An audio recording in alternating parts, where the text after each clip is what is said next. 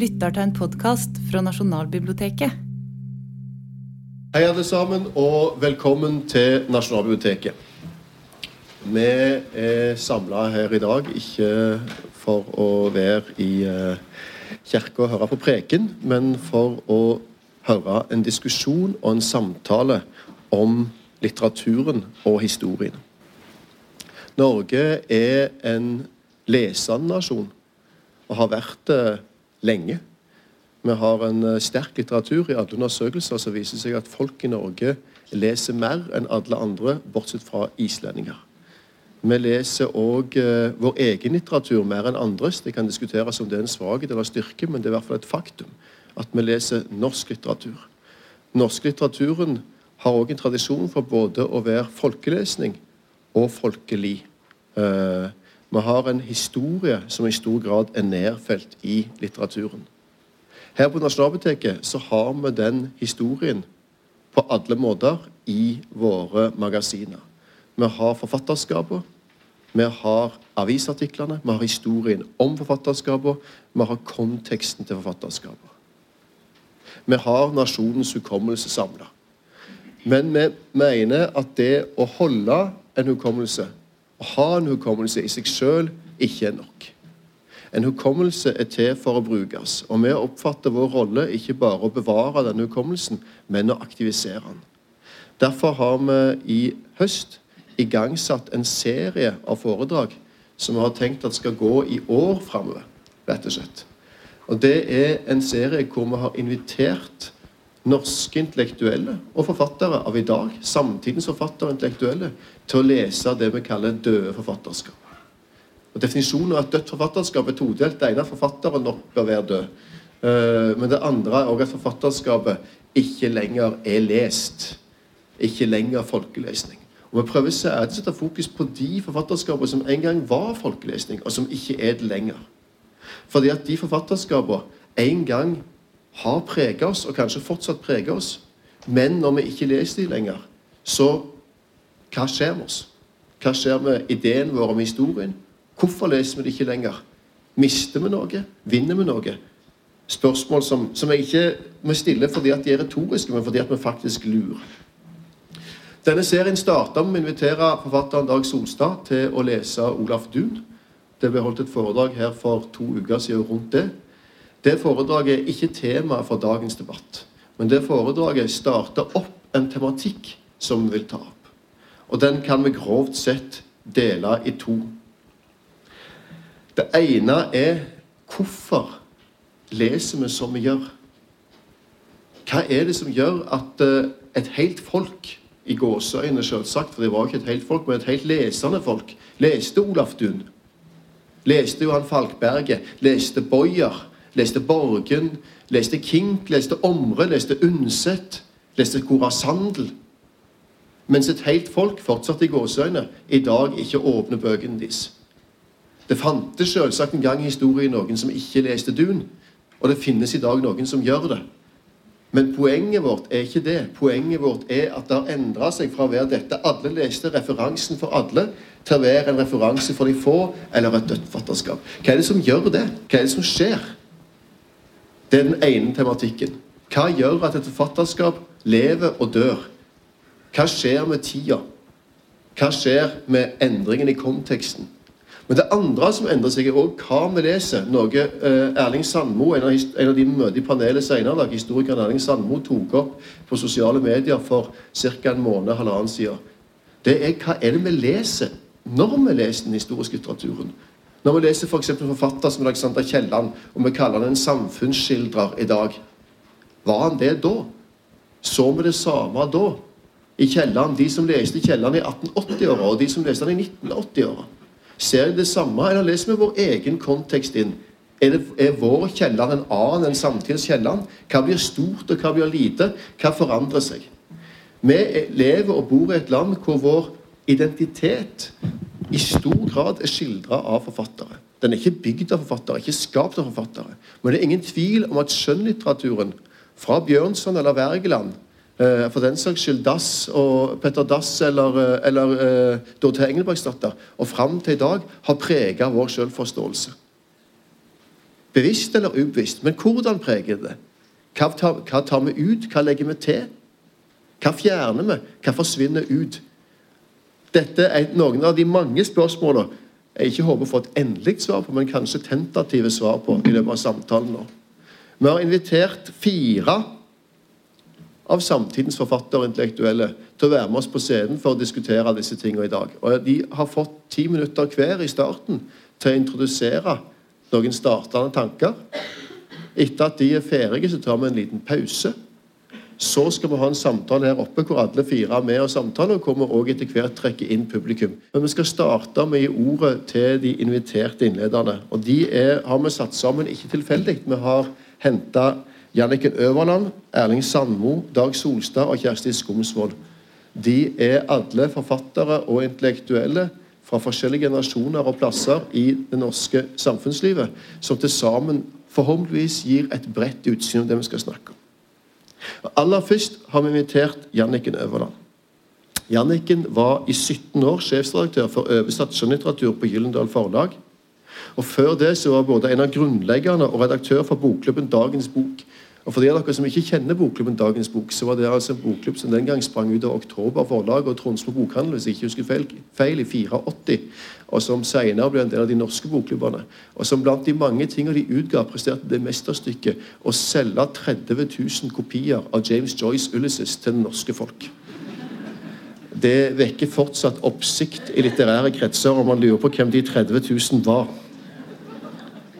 Hun har òg vært redaktør for Vinduet fra 1980 til 1985 eh, og gitt ut flere bøker, bl.a. om Cora Sandel og vært medforfatter av norsk kvinnelitteraturhistorie. Hun har òg vært litteraturkritiker i det som vel må kalles en kvinnes alder, og skriver i dag for uh, Bokmagasinet i Klassekampen. Jannicke Nøverland, velkommen til oss. Takk for at du ville komme. Scenen er din.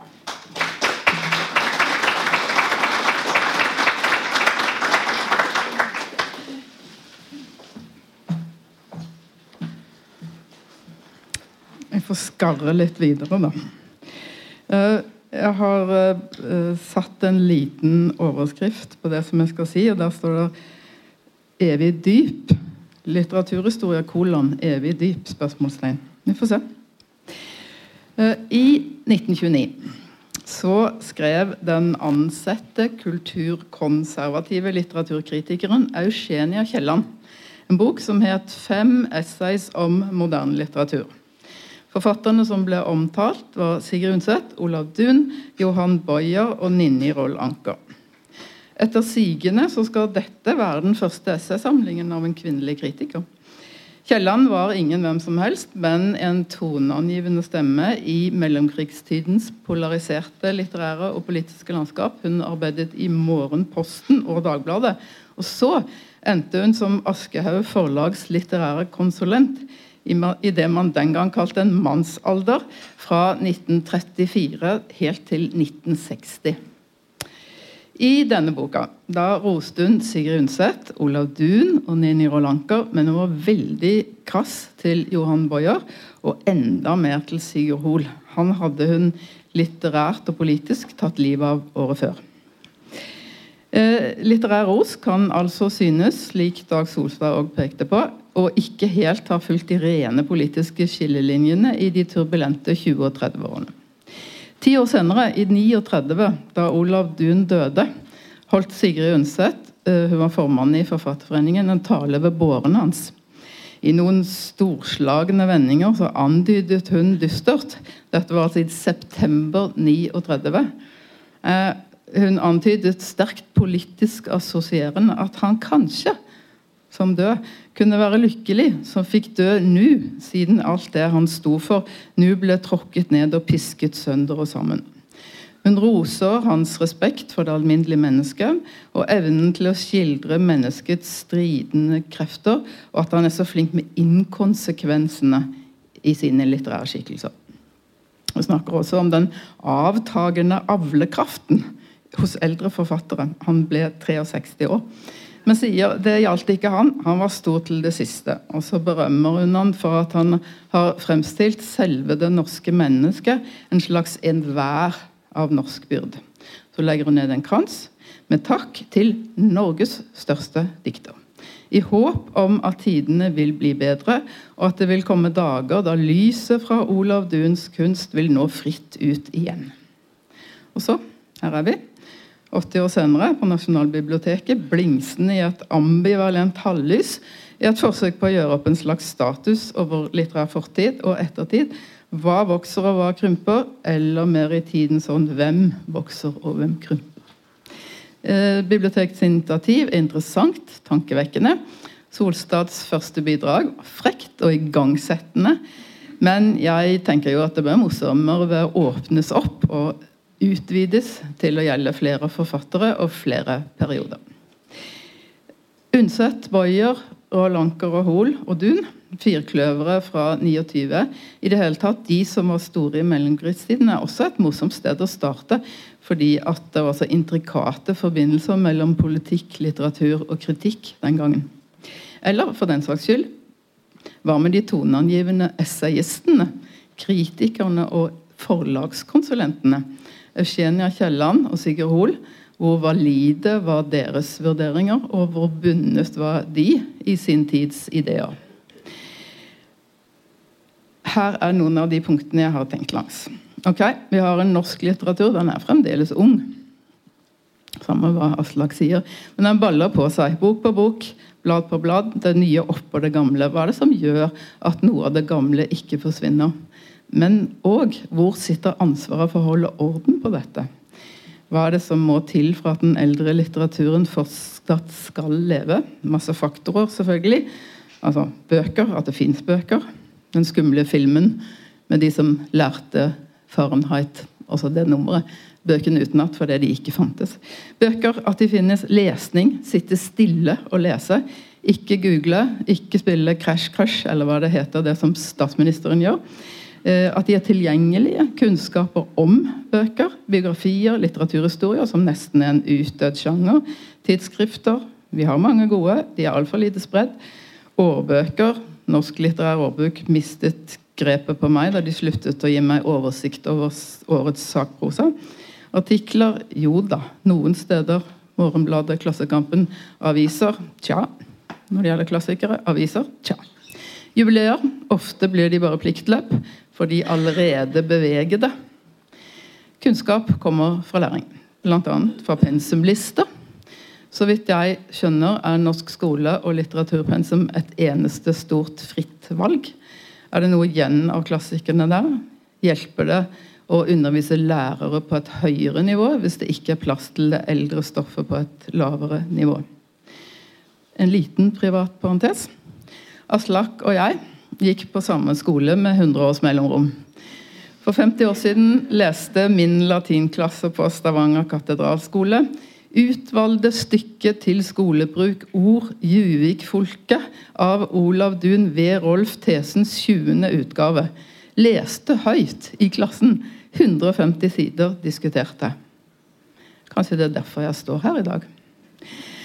Jeg skal komme tilbake til den fuktige, grusomme scenen på båthvelvet mellom Odin og Lauris, som jeg har hatt med meg siden. Flere institusjoner med ansvar og med definisjonsmakt. Forlagene spiller en rolle. De har et kulturelt ansvar. Subsidiert som de er, av momsifisert. De må holde klassikerne i det minste i pocket livet, kanonisere. Men de bør jo også lete frem nye, gamle og revitalisere. Så er det dessverre det at de må tjene penger, da. Biblioteket. Bibliotekarene. Her. Takk. Tusen takk. Eh, bokhylla denne moderne, med også treskete basen med de gamle norske bøkene online, den er veldig fin for de tålmodige. Den er kanskje ikke helt for folk. Bokhandelen skviset av kommersen. Black Monday hele året på klassikerfronten. Det aner meg at det faktisk er enkeltmennesker og entusiaster som mange måter har stått i bresjen for å vekke til live og peke på og resirkulere det gamle. Enmannsforetak som Jan Erik Vold en av de mest energiske essayistene, f.eks. Hvor hadde Gunvor Hofmo vært i norsk litterær offentlighet uten vold? Forfattere har definisjonsmakt. En erfaren, godt likt, mye lest forfatter. Han kan si 'Jeg liker Prost, men jeg liker ikke Olav Duun'. Men hvilket vi har han bak seg? Forfatterne? Kritiker Bernhard Ellefsen har i et års tid gjort et tappert forsøk på å vekke til liv en annen av mellomkrigstidens navn, Magnhild Holke, og den store romanen hennes 'Allis sønn'. Hun, Holke, er jevngammel med Undset, lever lenger, skriver mer. Usynlig i dag. Hva kan redningsaksjoner som Volds kontinuerlige Ellefsens og Nasjonalbibliotekets bibliotekets nå føre til? Noe målbart? Mer lesning? Mer snakking? Hvis vi tar et skritt tilbake til biografien, ikke minst forfatterbiografien, så har den jo hatt et bemerkelsesverdig kraftig liv i Norge de siste 30 årene, i takt med sakprosaens oppvurdering. Lesere priser, forhåpentligvis har den også skapt lesing. I forrige uke kom den nedslående statistikken over hvor få kvinnelige forfattere det er skrevet biografier om, og hvor få menn som gidder å skrive om kvinner. Så eh, jeg tenker at glemselens tåke antakelig legger seg tyngre over kvinnelige forfattere enn over de mannlige. Og da kan jeg jo spørre må man ha hatt mer liv i betydningen turbulent privatliv, stor bekjentskapskrets, skandaler og sånn for å bli husket og biografert? Ja, på annet enn pengesedler, da, som Selma og Camilla er blitt. Jeg tenker òg at jeg i dag har en slags sånn greie i ryggen som går rundt og rundt, som handler om at jeg skal litt mer om kvinnelige forfattere. I 1990, nå er det 25 år siden, så var jeg der med og lagde trebindsverket Norsk kvinnelitteraturhistorie. Da isolerte vi og nyleste vi kvinnelige forfattere. Fikk frem en annen litteraturhistorie. Ikke minst fikk vi avdekket masse klisjeer som den tradisjonelle litterære vurderingen hadde brukt som norm. Et eksempel. Det handler om Gisken Vildenvei. Hun var ikke bare fru Vildenvei. Gisken Vildenveis fire Andrine-bøker. I en meget anerkjent litteraturhistorie så står det om dem at de er citat, enkle, ekte og inntagende nordlandsfortellinger. I kvinnelitteraturhistorien står det Karakteristikken gjør det vanskelig å oppdage at dette er romaner om bortsatte barn, nød, død, vanskelig kjærlighet, abort og alkoholisme som vesentlige erfaringer, alt sett fra en kvinnesynspunkt. Enkle, ekte og inntagende. Og i dag, med så mange tydelige forfattere som er kvinner, er lesningen av de kritikerroste bøkene deres ujevnt fordelt mellom kjønnene, for å si det mildt. Vil den skjevheten komme til å speile seg i senere vurderinger og oppsummeringer? Eventuelt, alternativt, så må kvinner skrive alle litteraturhistorier fra nå av, siden de er altlesende. Vi har noen få norske nobelprisvinnere. En av dem er en kvinne. Det er helt betimelig å stille det kjetterske spørsmålet hvor mye blir Sigrid Undset lest i dag? Er det som Solstad mer enn antyder en ny litterær stil og litterær smak og forandring i den som tidens fylde usynliggjør det gamle? er litterær kvalitet å se på som et periodisk begrep, eventuelt da med hvor lang varighet, og kan det da dukke opp igjen som slags vekselstrøm? Men altså, er det forrige århundre. Er det noe med den første halvdelen, eller kanskje tre fjerdedeler, eller kanskje hele av det norske 1900-tallet, som er så dominert fremdeles av nasjonsbygging, norskhet og realisme at, som Solstad antyder, modernismen da den endelig kom til landet, ikke minst prosamessig, skapte en uoverstigelig kløft. Selvfølgelig lever og levde realismen videre i samtidig. I samtidig usamtidighet med modernismen. Begge deler under og over hverandre hele tiden. De mest populære forfatterne faktisk på 80-tallet og senere har også rot i realismen. Som f.eks. Herbjørg Wassmo. Men hun fornyer likevel den gamle, realistiske modellen. Med kvinneprosjektene forandrer hun ikke bare synsvinkel på de rotnorske historiene, fra kystlandskap og bondeland, som ligger i dunland alt sammen, men åpner opp for andre erfaringer og skrivemåter, både om urbane og rurale emner. Jeg skal ikke gjøre dette til et spørsmål om kjønn, men jeg det blir for ensidig. Men det er ikke tvil om at f.eks. til og med en såkalt progressiv forfatter som Sigurd Hoel, som på 30-tallet skriver om mange av sin tids moderne temaer, også han er fanget i et mønster som man i dag, i hvert fall som kvinnelig leser, vil betrakte som foreldet. Og så kommer jeg til et mitt fuktige sluttpunkt med scenen i båten. I slutten på Dunes i stormen. Solstads eksempelscene. Med Norges enormt lange kystlinje så er det jo ikke så rart at drukning fra båt har vært et mye brukt topos. Fra Bjørnstjerne Bjørnsons velregisserte 'Faderen' 1860. Via Duns stormende Odin endelikt i 23. Sigurd Hoels nesten-drukning i nesten-misseromanen 'Syndere i sommertid' fra 27. Til den dypt urovekkende slutten på Agnes Ravatns bok 'Fugletribunalet' i 13. Som Stavanger-gymnasiast så skremtes jeg av Odin og Lauris. I Ravatns versjon, hvor kreftene er omfordelt flere ganger, og ond og god ikke er så opplagt, er uhyggen for meg på et atskillig mer subtilt nivå. Verden litteraturen, skrivemåten, forandrer seg. Og Sluttspørsmålet mitt er er realismen, fordi den er så knyttet til tid og sted og sed og skikk og ting, er den den litterære formen som holder seg dårligst? Jeg er ikke helt sikker.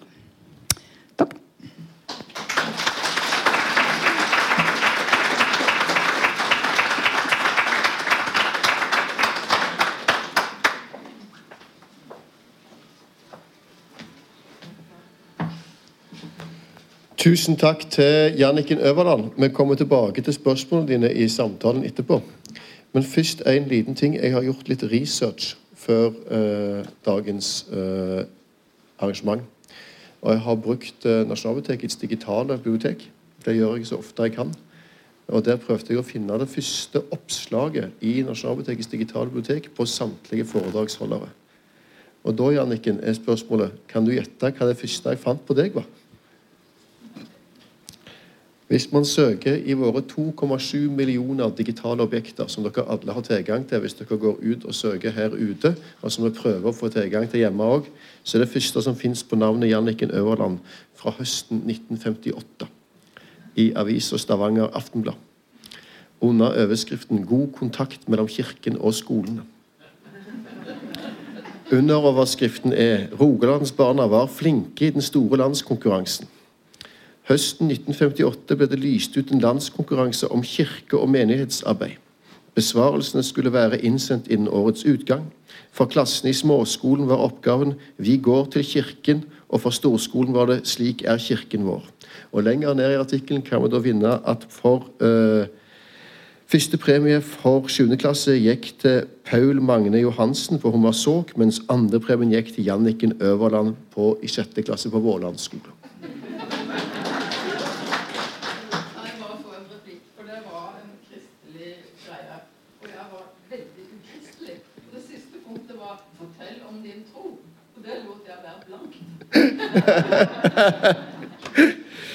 Så det eh, er da for historien dette da for å inspirere dere alle til å bruke det digitale biblioteket, som er en helt fantastisk plass for å finne ting.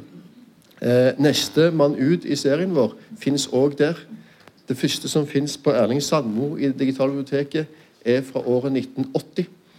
Det er et leserbrev i avisa Bergens Tidende som starter med den fantastiske overskriften fra et leserbrev som heter 'Herr redaktør'. Tittelen på leserbrevet er 'Statens barnepikementalitet'. Og Den da 17 år gamle Erling Sandmo var veldig opptatt av at uh, den norske stat ville sensurere 'Life of Brian'. Og argumenterer med referanse til et intervju med John Cleese i musikkavisa Puls mot dette standpunktet, da 'Life of Brian' på ingen måte handler om Jesus, men gir oss et innsyn i vårt forhold til religion i dag.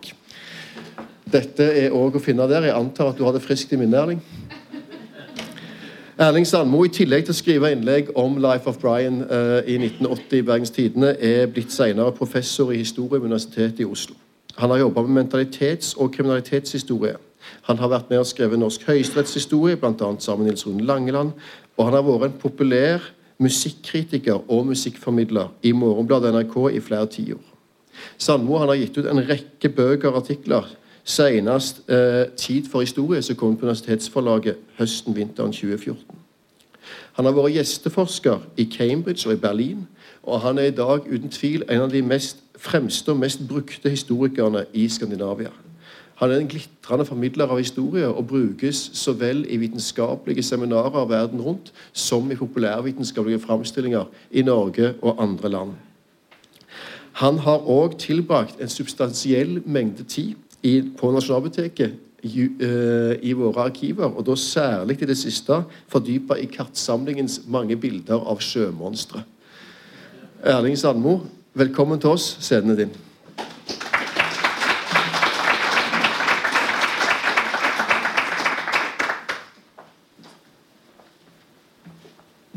Tusen takk. Det skal sterk rygg til dette her. Um, jo, jeg skal si noe om som historiker. Jeg skal snakke som historiker. Om historikerting, og jeg skal si noe om perioder. Som alle skikkelige historikere gjør. Og så skal jeg si noe om litteratur som historie og historie som litteratur. Og jeg har delt det jeg skal si, som ikke er så veldig mye, i to. Det er en del som handler om fortid, og så er det en som handler om fremtid. Da, da Aslak var eh, ikke, ennå ikke hadde begynt å skrive leserbrev, kanskje, så studerte jeg historie mellomfag i Bergen og abonnerte på Vinduet, som den gangen ble redigert av Jannicke Nøverland. Eh, og Der lærte vi, som vi hadde lært på gymnaset, om at litteraturhistorie var noe man studerte i perioder, og at periodene var naboer, og at det gikk gjerder mellom dem.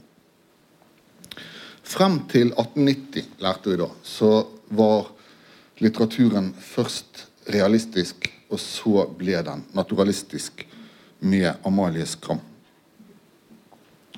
Så kom 1890, og da ble alt annerledes.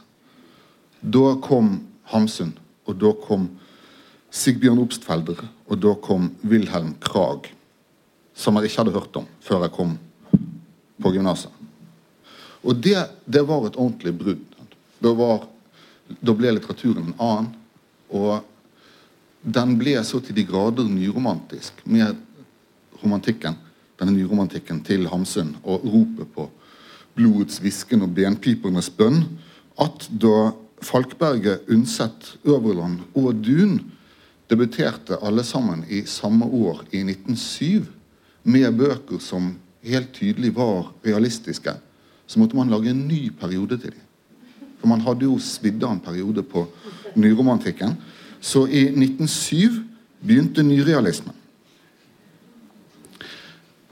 På dette mellomfaget som jeg gikk på da, så var det en stor greie, spesielt for en av våre forelesere, den utmerkede Sigurd Årnes, at dette bruddet i 1890 det kunne vi lære mye av når vi skulle studere hvordan litteraturhistorie ble konstruert.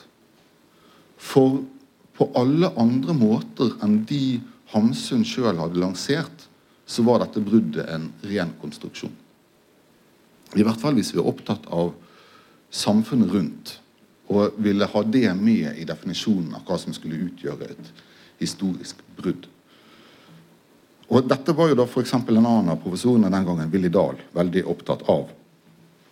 Og Disse kunne da fortelle oss at til tross for eh, den fantastiske forelesningsrekken til Hamsun, der han turnerte og slaktet de gamle, og skrev bøker som var noe helt nytt, så var det nesten ingen som leste dem. Og publikum på forelesningene hans var vel omtrent som dette. Og da, som dette, fullt av landets beste folk, men ikke så grådig mange likevel. Det er lite. Det er ikke noen stor omveltning som skjer med Hamsun, og i hvert fall ikke med Obstfelder og Krag, hvis man skal se ambisiøst og liksom samfunnsmessig og helhetlig på det. Dette handlet dels om selvlansering fra deres side, som perioder ofte gjør det. Vi, opp, vi, har funnet på renessansen, som var et selvlanseringsstunt. Og jeg underviser mine historiestudenter i hvordan historiefaget ble helt nytt etter 1824, da Leopold von Ranke, ung og frisk og bare i 20-årene, sier at nå har vi et helt nytt historiefag som bare skriver om fortiden sånn som den egentlig var. For det hadde man liksom ikke gjort før. Vi, men sånn, vi vet det. De lanserte seg sjøl, og vi overtar det. Og vi liker skillet fordi Hamsun var en så stor forfatter. Men hvis vi tror at dette er en måte å huske det sene norske 1800-tallssamfunnet på, så tar vi jo feil. Men tror vi det ikke likevel? Det er alltid og med hjertet at når vi leser Hamsun eller ser hvordan Edvard Beyers litteraturhistorie naturlig faller åpen på 1890, tror vi det ikke likevel med hjertet at et eller annet forandret seg stort i Norge rundt 1890? At folk pustet annerledes, og at blodet hvisket med nye dialekter, og at arbeidets status ble en annen, at det var oppbrudd, et oppbrudd av et eller annet slag i 1890? Vil vi ikke likevel, selv om vi er dannede mennesker som vet at dette er en konstruksjon, tenke at det skjedde noe nytt i litteraturen med 1890. Og når vi leser den litteraturen, så skjønner vi at sånn var det da. Enda vi vet at det var feil. Vi vet at det ikke var noen store omveltninger i samfunnet rundt litteraturen i 1890. Vi vet at det ikke var mange som gikk og lånte Hamsun og Wilhelm Krag på biblioteket. Vi vet at tallene ikke hadde fire sifre. Vi vet at folk den gangen nok leste Bjørnson, men det vi i hvert fall vet at de leste, var Rudolf Mus. Og likevel, da, selv om vi vet og ikke vet dette samtidig, så holder vi oss med en slags tro og dette, dette gjør vi historikere veldig. En slags tro på at eldre litteratur speiler sin tid, og at det er derfor den huskes. Men dette handler da dels om en projeksjon av vår egen litterære smak på fortiden. Og dels da hviler dette på en underlig tanke om at vår egen tids litteratur står i et mer komplekst forhold til samfunnet enn fortidens litteratur, som bare gjenspeiler som er et minnealbum, men som gir oss et sant, men glanset bilde av den tiden det ble laget i. Og Samtidig vet vi altså at det er et upålitelig album som har passert mellom hendene til tilfeldige historiske eiere, og at vi fant dette minnealbumet akkurat bare der vi lette, nemlig på steder vi likte å lese. Og hvis vi åpner andre minnealbum og forfatterskaper, som Dag Solstad heroisk gjør, i, eh, i, hvert fall den trykte utgaven av, av, foredraget som jeg har lest før dette, åpner Dun som minnealbum, ser han da at det taler med et, et fremmed språk. Men skal vi tenke tanken likevel? Det er jo litt derfor vi gjør det. Eh, nå kan jeg holde en innledning om hvordan litteraturen ikke er en kilde til det samfunnet vi kanskje tror at vi skal huske. Eh, men vi kan jo tenke det likevel og snakke om det. Og det er fornuftig i det.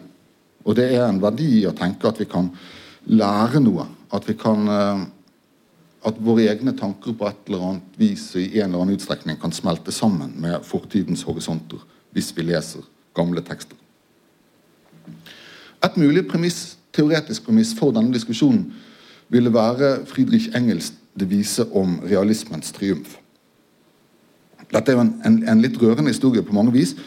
Når man vet eh, etter tiden den har, denne anekdoten. Men på slutten av 1880-tallet sendte forfatteren Margaret Harkness en bok hun hadde skrevet som het 'City Girl', til Friedrich Engels for å høre hva Engels mente om den. Og Engels skrev et veldig hyggelig brev tilbake, som er blitt en litteraturteoretisk klassiker. Og Han sier at, at det er ikke det at ikke City Girl, eh, som vi nå vel antagelig må kunne regne inn i en del av et dødt forfatterskap, City Girl er en, er en super bok, sier eh, engelsk med litt andre ord. Men den er vel kanskje ikke riktig realistisk nok.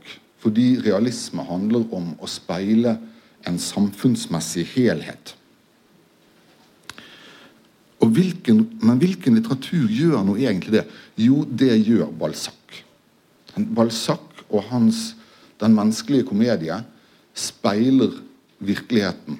Den speiler og den avslører på et vis som er sannere enn eh, de fleste andre talemåter kan lære oss, viser oss det sanne samfunnet. Dette er det som er realismen. Og realismen oppstår til tross for forfatteren. Balzac vil egentlig bare legitimere det bestående, skriver engelsk. Men likevel, fordi bøkene hans er så gode, så kommer sannheten frem likevel. Den vil frem. Virkeligheten vil frem når litteraturen er god nok. Som er en fantastisk eh, Det viser et vakkert både kvalitets- og virkelighetsbegrep.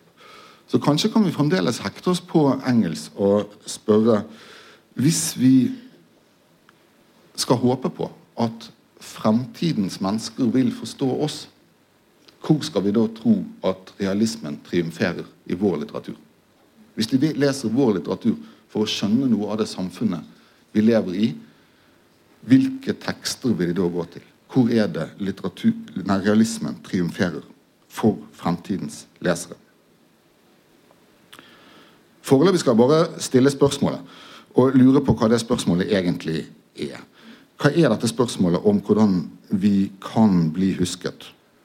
Kanskje vil bli husket, men i hvert fall kan bli husket eller forstått. Hvilket vi snakker vi om da? Er det nasjonale vi-et en viktig målestokk når vi ser inn i fremtiden? Før så var det jo opplagt sånn.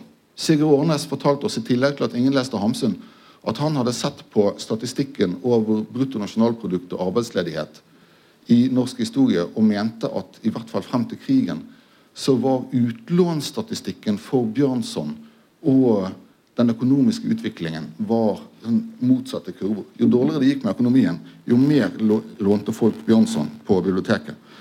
Nå er det helt sikkert ikke riktig lenger.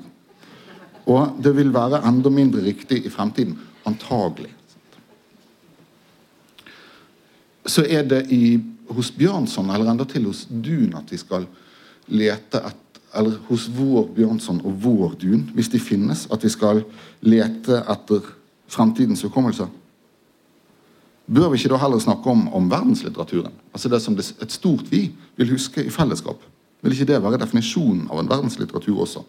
Den som alle kan se tilbake på og minnes en menneskelighet. Og hvem vil huske oss? Hvorfor? Dette gjenstår også. Sant? Vil det være et globalt? Vil det være et norsk? Eh, det vil selvfølgelig være forskjellig vi i forskjellige fremtider. Men finnes det realismer nå som vil triumfere, og som vi kanskje ikke ser? Så er det tekster rundt oss nå som forteller fremtidens lesere virkelig hvordan det var. Som er vår tids kanskje Kielland, som nok visste hvilken realisme han dro opp, kanskje. Og hvor er vår tids Balzac, som viser den helheten han sjøl legitimerer, men mer kritisk enn han egentlig sjøl har i sine benpipers hvisken. Det er jo lett å tenke seg at vi har radikale forfattere i dag som i de som aller best viser borgerskapets essens og kultur, og som gir det beste bildet på det konservative og det reaksjonære i det norske samfunnet. Men spørsmålet om hvordan fremtiden vil huske oss, handler bare lite om vår smak i dag. Selv om litteraturen vår også er en av de kreftene som former fremtidens fellesskaper av lesere, som snart vil se seg tilbake mot oss over bøkene og si med ansiktsuttrykk som vi ikke vet om, at sånn var det da.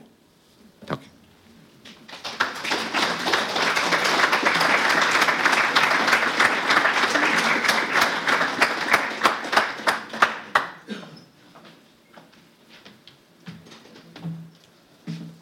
Tusen takk til Erling Sandmo. Eh, og hans spørsmål skal vi komme tilbake til i samtalen etterpå. Men vi skal videre, og nå skal vi til Kjersti Skomsvold, som er den yngste i panelet. Eh, jeg har òg prøvd å finne når Kjersti Andesdotter Skomsvold dukker opp første gang i vårt digitale arkiv. Du, vet du det, Kjersti? Nei. Nei, det er på sportssidene. Det er på sportssiden i Aftenposten i året 1993. Eh, da er Tinestafetten gjennomført eh, i Oslo friidrettskrets. Og eh, da har det seg sånn at på vinnerlaget i klasse i da sjuende klasse, på tredjeplass i sjuende klasse på Haugerud skole, befinner Anders Sefring Theodisi Okeke, faktisk senere toppsprinter. Anja Karine Aasland og Kjersti Skånsvold bl.a. seg. Så der eh, dukker du opp første gangen. Jeg savner i Aftenposten i dag oversikten over Tinestafettens eh, vinner i 7. klasse. I tillegg til denne løpekarrieren så er det altså sånn at Kjersti Skomsvold hun fikk Tarjei Vesaas debutantpris for 'Jo fortere jeg går, jo mindre er jeg' da den kom i 2009. Og Siden det så har hun etablert seg som en betydelig forfatter både nasjonalt og internasjonalt. Hennes bøker er oversatt uh, til mer enn 20 ulike språk allerede. Og hun ble kortlista til den prestisjetunge Impact-prisen da debuten kom ut på engelsk i 2013.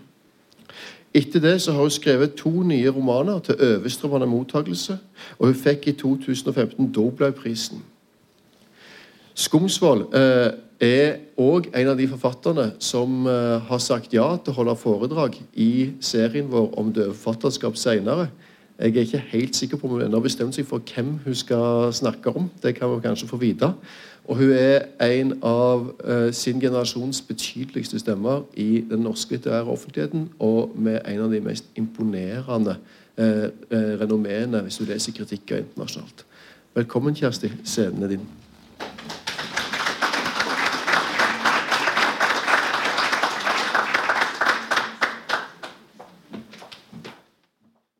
Tusen takk. Jeg hadde helt glemt den tiende stafetten. Men uh, ja. Uh, en opplagt grunn til å lese eldre litteratur er at man må vite noe om fortiden for å kunne forstå nåtiden, og også for å kunne gjøre seg opp tanker om fremtiden. Jeg kjenner en lengsel etter å være knyttet til tidligere tiders forfattere, og at noen skal ha gått veien før meg. Sist sommer var jeg på litteraturfestival i Spania og da ble jeg bedt om å snakke om det å være kvinnelig forfatter i Norge i dag. Under overskriften 'Kvinner og isbreer'. For å kunne si noe om dette måtte jeg se på hvordan det har vært å være kvinnelig forfatter i Norge tidligere. Jeg tenker ikke på at jeg er kvinne når jeg skriver, og jeg tenker ikke på at jeg er kvinne når jeg går på isbreer. Om jeg var blant de første kvinnene som gikk på isbreene i Norge, La oss si en engelsk overklassedame for 100 år siden. Med langt skjørt og oppsatt hår, ja, så ville jeg muligens tenkt på at jeg var kvinne der jeg gikk. Om jeg var blant de første kvinnelige forfatterne som måtte kjempe for å få lov til å skrive og utgi bøker, om jeg var Camilla Collett, så ville jeg muligens tenkt på at jeg var kvinne mens jeg skrev. Kvinner har gått på isbreer før meg, kvinner har skrevet før meg, og dermed trenger ikke jeg kjempe en så hard kamp for å gjøre det samme. Og det er jeg takknemlig for. Jeg tenkte også på dette da jeg i våres ble bedt av Norsk litteraturfestival om å skrive et brev til Amalie Skram. Det har stor betydning for meg at Amalie Skram har skrevet før meg, at hun sjokkerte sin samtid og samtidig måtte forholde seg til at det hun skrev, ble kalt damenoveller, enda det hun skrev, opplagt var Skram-noveller. Jeg lurer på om behovet omverdenen hadde for å ufarliggjøre skrivingen hennes, bunnet i en redsel. Tidligere tok man det som en selvfølge at kvinner skrev selvbiografisk, fordi det ikke sømmet seg for kvinner å bruke fantasien. For hva er det mest skremmende? En kvinne som sitter og spinner, eller en som forteller sannheten? Selv blir jeg ofte spurt om dette nye med å skrive selvbiografisk, men jeg tror ikke noe på det, at det er nytt. Jeg tror bare man har glemt hvordan det har vært og at forfattere egentlig holdt på med dette til alle tider. I forbindelse med brevet jeg skulle skrive, leste jeg Amalie Skrams bøker for første gang. Jeg hadde bare lest utdrag fra bøkene tidligere og noen noveller mens jeg gikk på ungdomsskolen. Først klarte jeg ikke å skrive noe som helst da jeg forestilte meg litteraturprofessorers eller kritikeres blikk på det, slike som vet mye mer om Amalie Skram enn jeg gjør.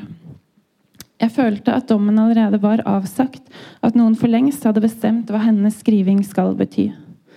Det sperret seg helt for meg. Men det er forresten ikke helt sant, for jeg skrev mange sider, og det var flinkt skrevet. Jeg har god øvelse i å skrive om forfatteren Amalie Skrams noveller fra skolen, men brevet favnet ingenting av hva jeg egentlig ville si. Å lese fortidens litteratur på denne måten minnet meg om hvordan jeg i mange år ikke torde å lese poesi fordi jeg fikk så dårlig karakter på diktanalyse på videregående.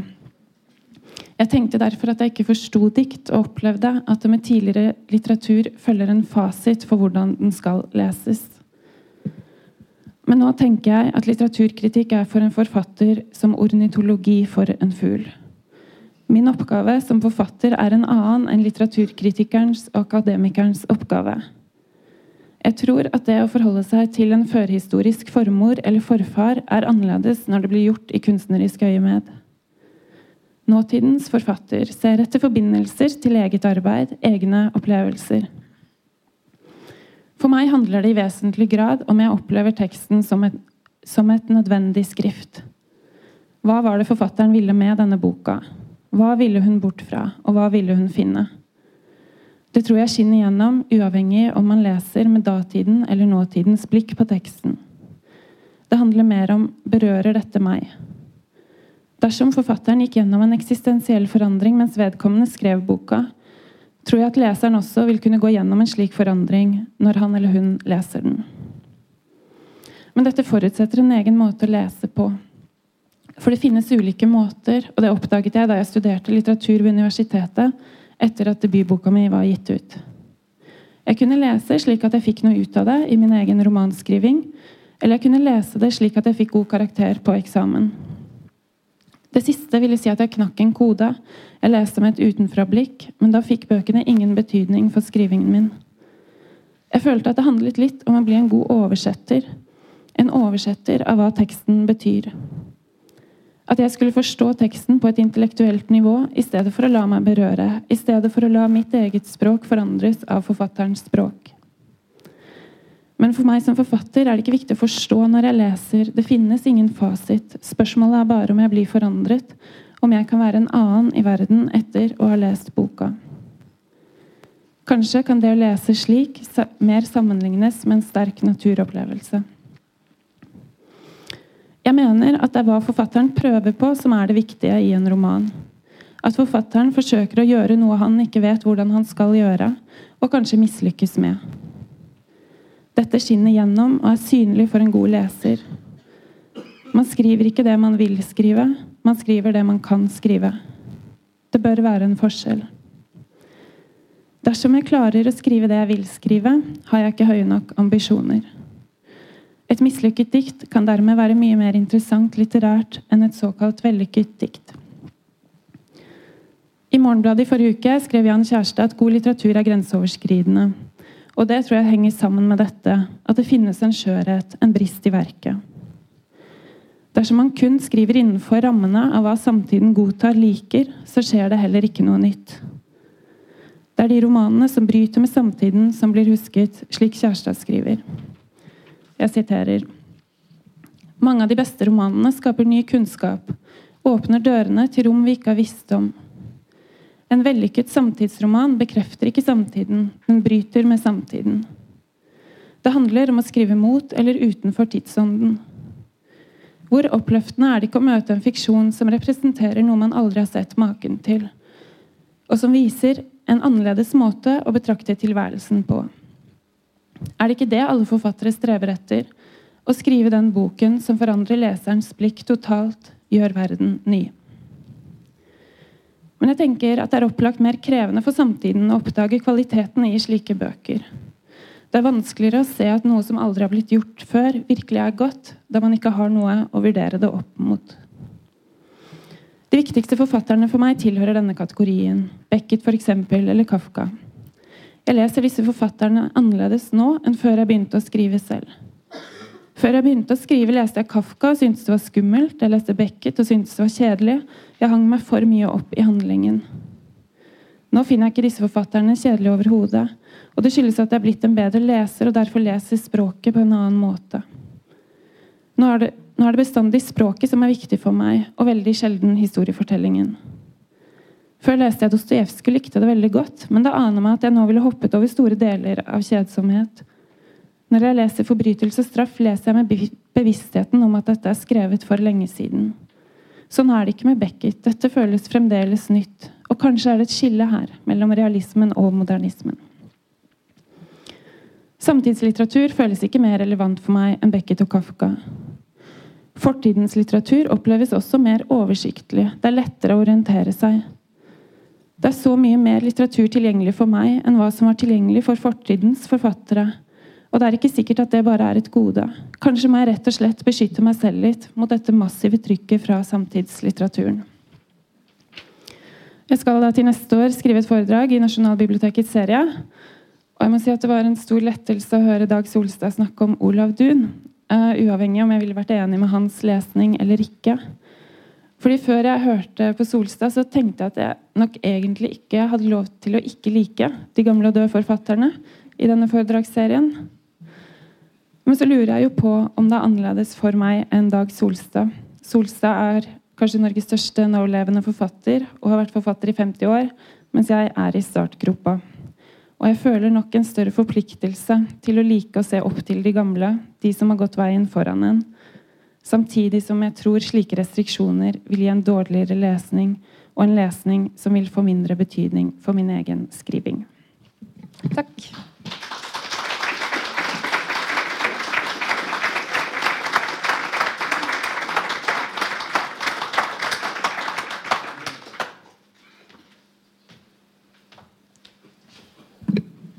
Tusen takk til Kjersti Skomsvold. Og før vi går videre, bare for å svare på spørsmålet ditt eh, Tanken med den serien som vi skal ha gående de neste åra, er ikke å hente lesere som elsker gamle forfattere, for at de skal fortelle hvor gode de forfatterne er egentlig, selv om ingen andre har forstått hvor gode de er.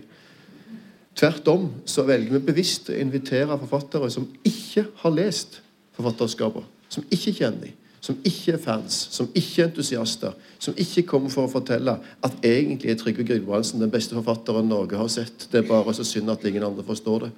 For det er det ikke så mange som vil høre på. Når forfatterskaper i utgangspunktet er døde, så betyr det at de færreste av oss leser dem. Og det vi spør om, er hva finner du som er sånn som oss? Du som ikke har lest dem. Hva finner du når du går inn og leser dem? Og vi vil høre hva du sier. Godt eller dårlig, spennende eller kjedelig, overraska eller bekreftende. Det er nettopp det som aktualiserer forfatterskapene, og ikke den eh, programmatiske hyllesten fra noen som allerede er frelst. Så svaret Kjersti, er nei, du er ikke forplikta til å like i det hele tatt, men du er forplikta til å fortelle hva du finner om noe du ikke kjenner fra før. Det er det vi syns er spennende med tanken, eh, og at det er måten å gjøre det på. Så uh, skal vi også tilbake til dine spørsmål etterpå. Jeg skjønner at uh, min rolle som samtaleleder etterpå blir stadig mer utfordrende etter hvert som jeg hører disse gode innleggene. Uh, og Nestemann ut er Dag Solstad, som Kjersti slutta hos. Jeg tror vi skal starte med historien på Solstad. Jeg, jeg har òg gjort research på Dag Solstad i Nasjonalbibliotekets digitalbibliotek. Og Hvis dere ikke har vært der nylig, så må dere bare gå. Det er nb.no å gå på søk. Det er en utømmelig kilde til kunnskap. Og til Sandefjords Blad. Eller Sandefjordsposten. Jeg er ikke helt sikker på hvilken av disse det var. Uh, dette er en artikkel fra året 1951. Og artikkelen har overskriften 'Skolefotball'. Vi er altså på sportssidene, side åtte i avisa. Og Den lyder følgende. Folkeskolens klasser 3A og 4A spilte på Hjertnes i går med syvmannslag. Fjerdeklassen trakk det lengste strået denne gangen. Tredjeklasse spilte imidlertid med bare seks mann i første omgang. Dette influerte sikkert en del på resultatet. Ved omgang var stillingen 3-1 for fjerde klasse. Best på tredje klasse var Dag Solstad, Cato Johansen og Gunnar Nerhus. På fjerdeklassens lag var Bjørn Granerød, som skåret to av målene, og Hans Olav Berntsen best. Dag Solstad sørget for tredjeklassens trøstemål. Jeg savner òg den type referater fra mine skolefotballkamper. Det sto ingenting om det i avisa. Aldri. Dag Solstad er en av etterkrigstidas viktigste norske forfattere. Han har til nå skrevet 18 romaner, og jeg har gitt opp uh, å ha i hodet hvor mange andre bøker. Det er på tide at det kommer en bok i en dag som teller nøyaktig hvor mange bøker du har bak deg. Men 18 romaner og et tredjetalls bøker til sammen. Hans bøker er både skildringer av den norske etterkrigstida og samtidig alltid historisk bevisste. Solstad er en historisk bevisst forfatter. Han har skrevet Akers historie, og han har i gjentatte essay tematisert historien, tida og forgjengeligheten til så vel litteratur som verdensanskuelser. Hans siste roman, 'Det uoppløselige episke element i Telemarks historie', og så en tidsangivelse etterpå, er en romanmessig bearbeidelse av hans egen families opphav i Indre Telemark. Solstad han var første forfatter ut med et mye omdiskutert og nå utsolgt foredrag om Olaf Duun. Det går altså nå i andre opplag uh, for å dekke etterspørselen. Det er, tror jeg er selvsynt for Duun for tida. Uh, for ikke snakke om artikler om Duun. Uh, og Han holdt det her på Nasjonalbiblioteket for to uker siden. Solstad er som eh, Kjersti er inne på, eh, kanskje utvilsomt en av våre fremste forfattere.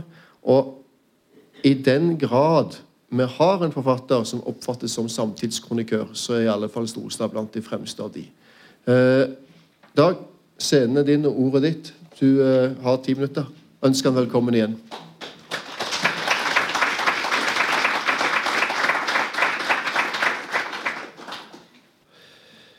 Uh, jeg er en norsk forfatter.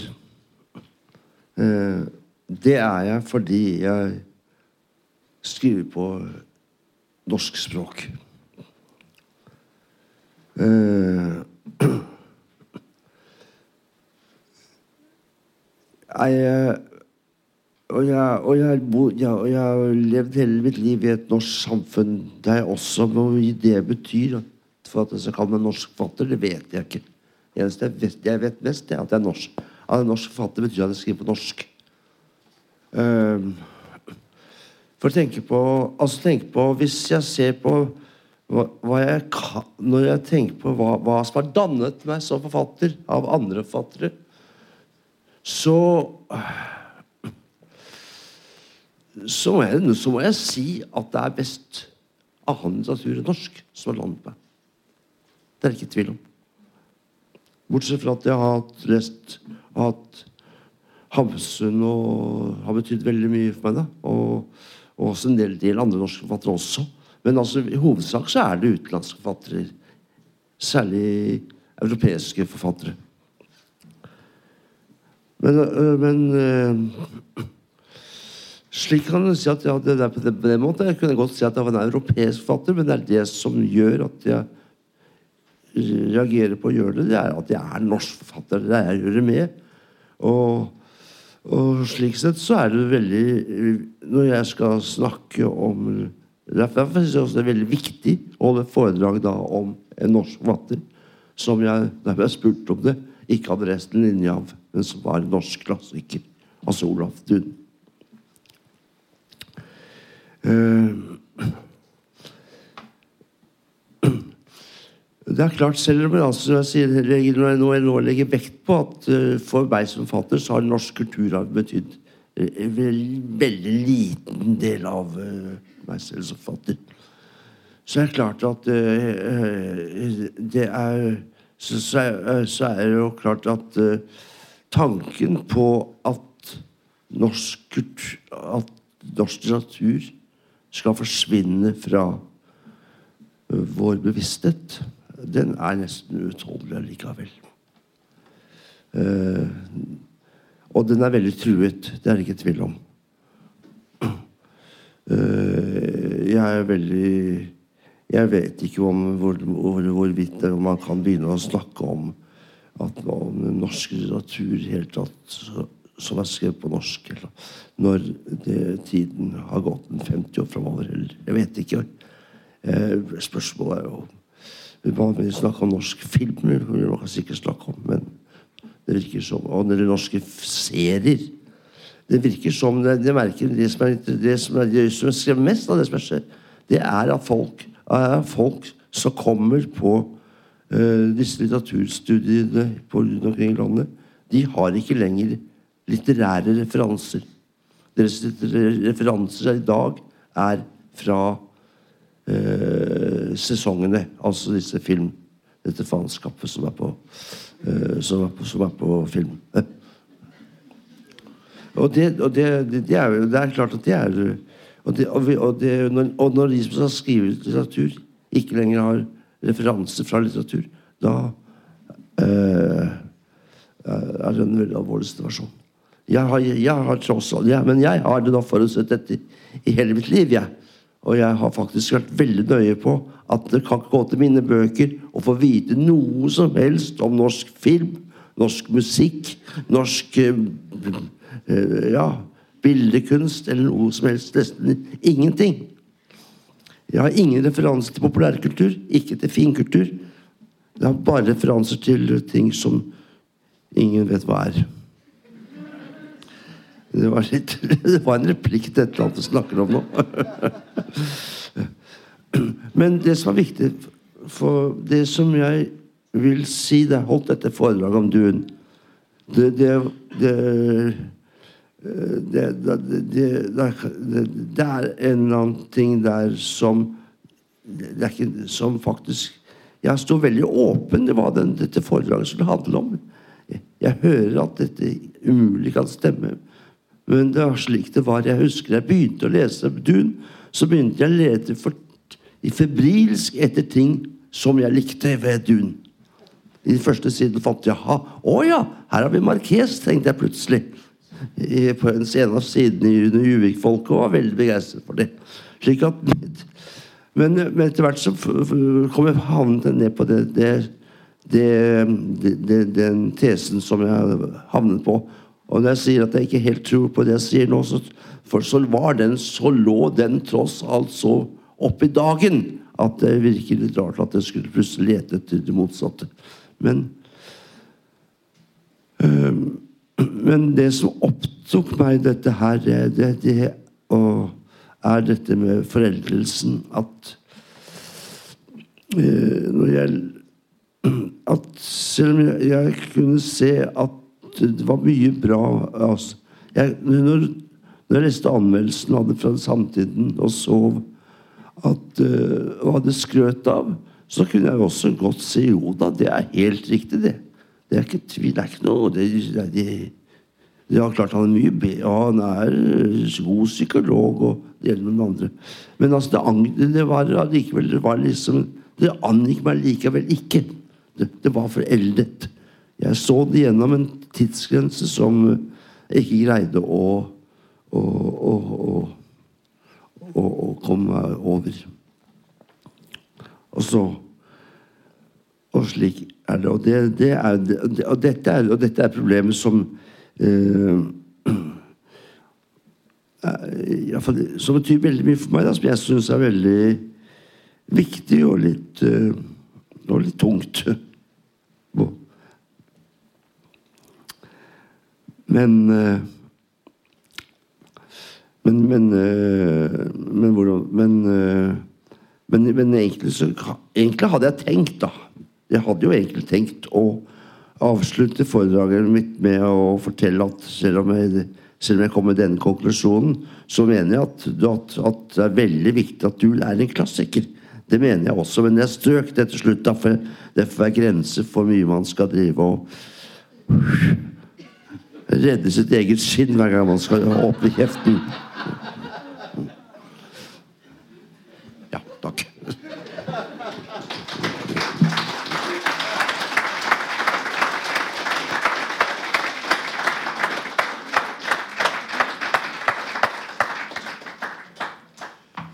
Jeg tenkte, som den enkle sjelen fra landet jeg er, eh, å gjøre det enklere enn dere og eh, starte noen enkle spørsmål, og så går vi, går vi, videre derfra.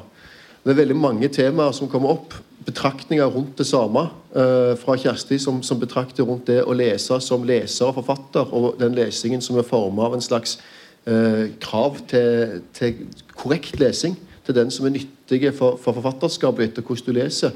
Erling som peker inn i historien, og uh, Janniken som peker på både uh, kanondannelsen, institusjonene, kjønnet og lesningen. Og, og, Dag som da konkluderer med, uh, etter sin kommentar på norskheten, med at han, han tross alt ikke prøvde å redde skinnet sitt når han holdt Dun-foredraget. men jeg tenker å starte på et enkelt sted som dere har felles alle sammen på en måte uansett, og det er i selve eh, historien, litteraturen, som kilde til historien.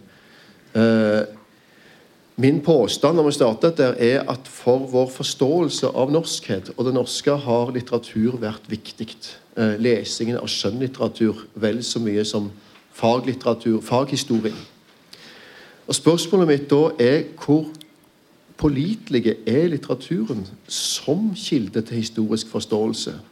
Uh, hva, er, hva, gjør han med oss? Hva gir han av historisk forståelse? Du Erling, som er historiker, uh, hvordan ser du det? Uh, nei, dens, dens upålitelighet er vel kanskje undervurdert.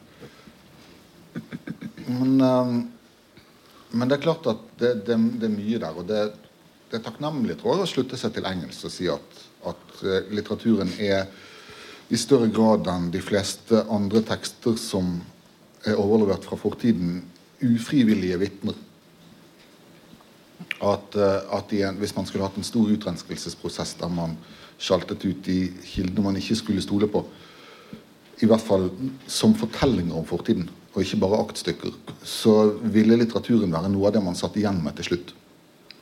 For å forstå sin del av verden. Denne nydelige historiene om, eh, som, om Franklin-ekspedisjonen, som skulle finne Nordøstpassasjen i 1845.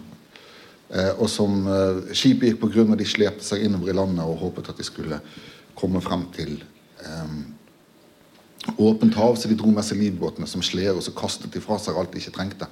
Kastet og kastet og kastet, og alt lå igjen og dypfrosset etter dem. Så man kunne spore etterpå hva det var de følte at de hadde trengt minst. Og det de da satt igjen med til slutt, var det de trengte mest. Så de to siste døde ble funnet med en roman. Eh, og det er flott, og det er det man trenger for, uh, for å minnes og knytte minnet til historien. Men som tidsvitner så kan du jo ikke stole helt på noen man per definisjon vet ikke snakker sant. Nei, men det, er jo, det er jo sant, begge deler av det du sier. Men når jeg da leser Kielland og tenker at jeg får en forståelse av 1880-tallet. Og Hvis jeg leser Kielland og Bjørnson uh, og uh, Ibsen og uh, resepsjonen kanskje til å få lese en biografi eller andre ting Skulle kanskje til å være så gal at jeg fant på å lese Jonas Lie. Og at jeg altså da har, har vært gjennom de fire store. Så tenker jeg at nå vet jeg noe om 1880-tallet. Nå får jeg en følelse av de menneskene. Er det en illusjon, tror du?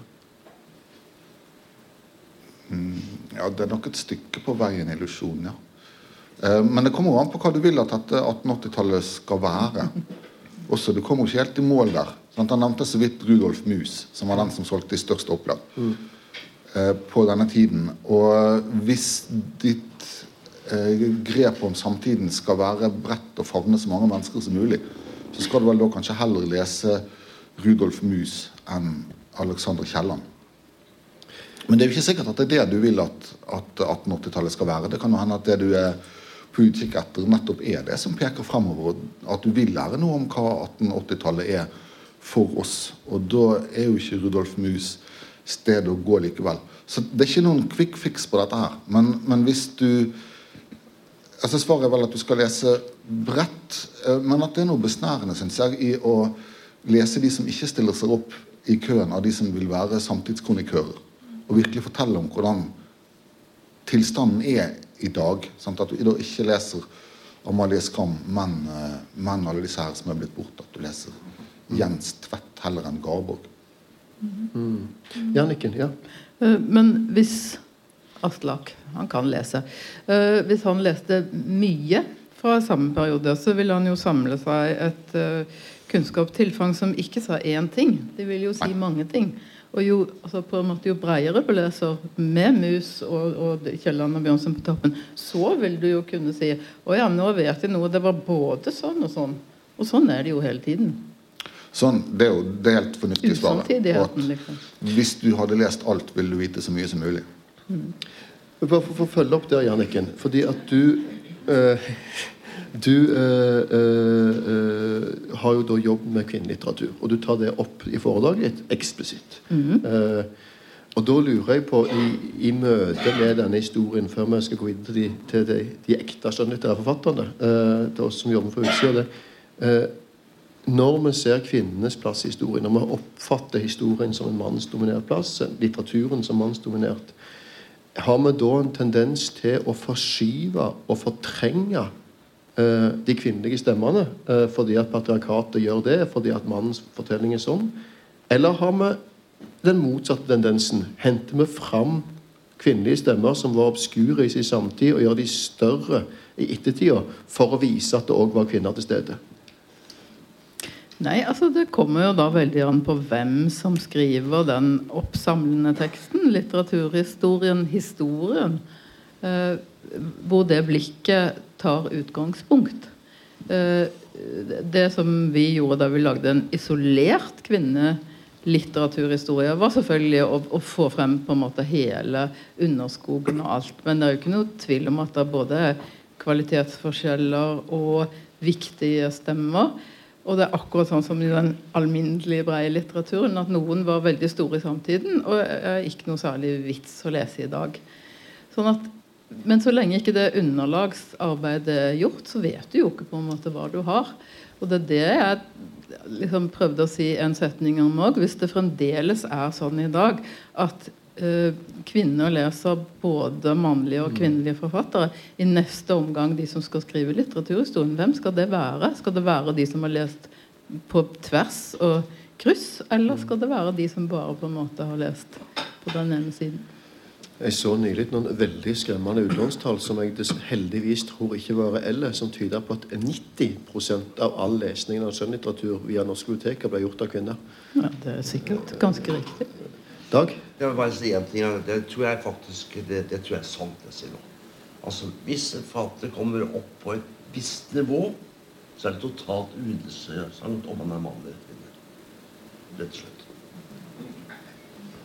Altså, du tror at kjønnsaspektet forsvinner i lesningen eller i dommen? Hele veien. Helt uinteressant.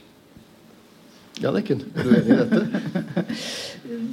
jeg vet ikke helt. Jeg um hvem skal bestemme nivået? Liksom. Er det bestemmer fatterne selv. Altså, Liv Kølsov er typisk kvinnelig fatter fra en del kvinners synspunkt. Hun selv er totalt uinteressert i verden. Ja, ja, ja. Altså, ja. Altså, og jeg er også totalt uinteressert i å være mannlig forfatter. Mindre enn meg er veldig interessert i å være mannlig forfatter. Men jeg er ikke. Nei, jeg, jeg, jeg, skjønner deg, og jeg skjønner Liv Køltzow også. Men det er klart at disse, det er kjønn i verden, og det er faktisk kjønn i litteraturen òg. Eh, og, det, og det sørgeligste er på en måte lesningen, tenker jeg. At den er så kjønnsdelt. Det, det er han jo eh, på to nivåer. Eh, men at kvinner leser mest, og en kjent sak saksopplysning for de som ikke har hørt allerede. Grunnen til at eh, Harry Potter heter Harry Potter ikke Hermione Ganger, som serien burde ha hett, og at forfatteren heter JK Rowling og ikke Joanna Rowling, var dette. En analyse av at gutter ikke ville lese en kvinnelig forfatter om en dame. Men for å gå tilbake til der vi var øh, Hvis vi går til fortsetter på litteraturen som kilde til historien Dag, du har et, øh, et kraftfullt og svært forfatterskap som du har skrevet som uh, har spent over Nå er det vel fem tiår.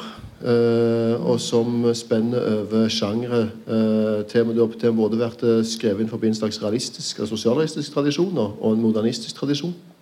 Du er lest, oversatt, til dels kanonisert i samtida. Du har fått de priser som kan fås. spørsmålet mitt er da Tror du ditt forfatterskap er en kilde til forståelsen av norsk etterkrigstid? Det er ikke så viktig for meg. Nei, jeg vet at det ikke er viktig for deg, men, men tror du det? Altså, tenker, altså en, en, ting er hva, du, hva som er viktig når du skriver, men, men ser, kan du se det som det i ettertid sjøl? Jeg tror ikke man blir dummere av å lese bøkene. Men jeg tror ikke det er viktig. For meg er det ikke viktig. Ikke, ikke tror jeg det er det sentrale for leseren heller. Men Kjersti, eh, du som da har lest Dag, oppfatter du det som en bieffekt av lesningen din, eller er det helt irrelevant? Ja, men jeg tenker sånn både når jeg skriver og når jeg leser, at uh, det derre uh, Hva som er liksom hører til i tiden og sånn, at jeg nesten egentlig prøver å komme forbi det, da. Uh, Og ja, at det er noe annet også som overlever. altså Når man leser fortidens litteratur, at uh, man kommer vekk fra det som er liksom tidskoloritten, da, og ser på noe mer sånn grunnleggende uh, menneskelig. da, At det er det som sånn, Men sånn syns jeg det er med samtidslitteratur også. Jeg syns bare det er forstyrrende hvis Facebook eller mobiltelefoner dukker opp. Da. Jeg vil ikke at det skal være festet i tiden på en måte, og si noe om den tiden vi lever i. Jeg vil bort bakenfor det. da. Mm. Uh, så vil si at den lesningen som du gjorde av Dostojevskij en gang i tida, uh, den vil du aldri kunne gjøre igjen? Uh, ja, sånn er det jo alltid når man går tilbake og leser noe man har lest tidligere. da, At det blir, blir, annerledes. Men der igjen, altså den derre angsten, den menneskelige angsten håper jeg jo at jeg vil kunne kjenne på. Men at mye vil jeg sikkert hoppe over fordi jeg syns det er kjedelig sånn historie, historieforteller. Mm. Uh, ja. Dag, du, du, sier i foredraget ditt om Dun, uh, så sier du at det er Tarjei Vesaas uh, som dreper Dun. det var mange som trakk et lettelsens sukk i salen når du nevnte Vesaas, tror jeg. For det var, det jeg så flere fjes som da sa at ok, han hater Dun, men han hater ikke nynorsk, han hater ikke bønder. Så det, det, det får gå. Men, men, du peker på at, at Vesaas som eh, realist er en langt svakere på mange måter realist enn Dun. Han er mindre detaljrik, han behersker formatet dårligere. Mens i det modernist, den modernistiske vendingen hos Vesaas kommer, så var det alt det som var rart hos han som realist, utilstrekkelig som realist, det blir plutselig eh, noe helt sentralt, og noe, eh, noe det som ber han som modernist. Og Det du da egentlig sier, er jo at det er overgangen fra realisme til modernisme som gjør at Dun kjennes så avleggs. Da må jeg nesten utfordre deg på det. Er det Oppfatter du det nærmest som en generell eh, regel? Altså at for deg i lesningen så er enhver realistisk forfatter eh, like datert som Dune? Eller er det vi, Nei, nei, nei, nei. Jeg nevner eksempel på motsatte. Ja. For eksempel Vaida Linna. Som eksempel, der, jeg sier at Det er litt underlig at jeg skal synes at det er mye mer spennende å lese om, om finske bønder enn enn mine egne bønder, for å si det sånn. Men, men, men, men du hevder òg at han er mer av en modernist enn du? gjør du ikke det? Eh, jeg sier at, jeg, jeg sier at han er mer materialist. Materialist, det stemmer det, ja. Og at, men det er, ja. Mm. Men eh, det, det, er ikke det avgjørende i denne sammenhengen. Men det er klart at det, jeg bare påpeker at, er, at sånn er det. Ja. Og det er vel også at han, at han også skrev bøker i 1950-tallet. Mens eh, Rune skrev på 20-tallet. Det også gjør det mer nært eller i tid. Ja, nettopp.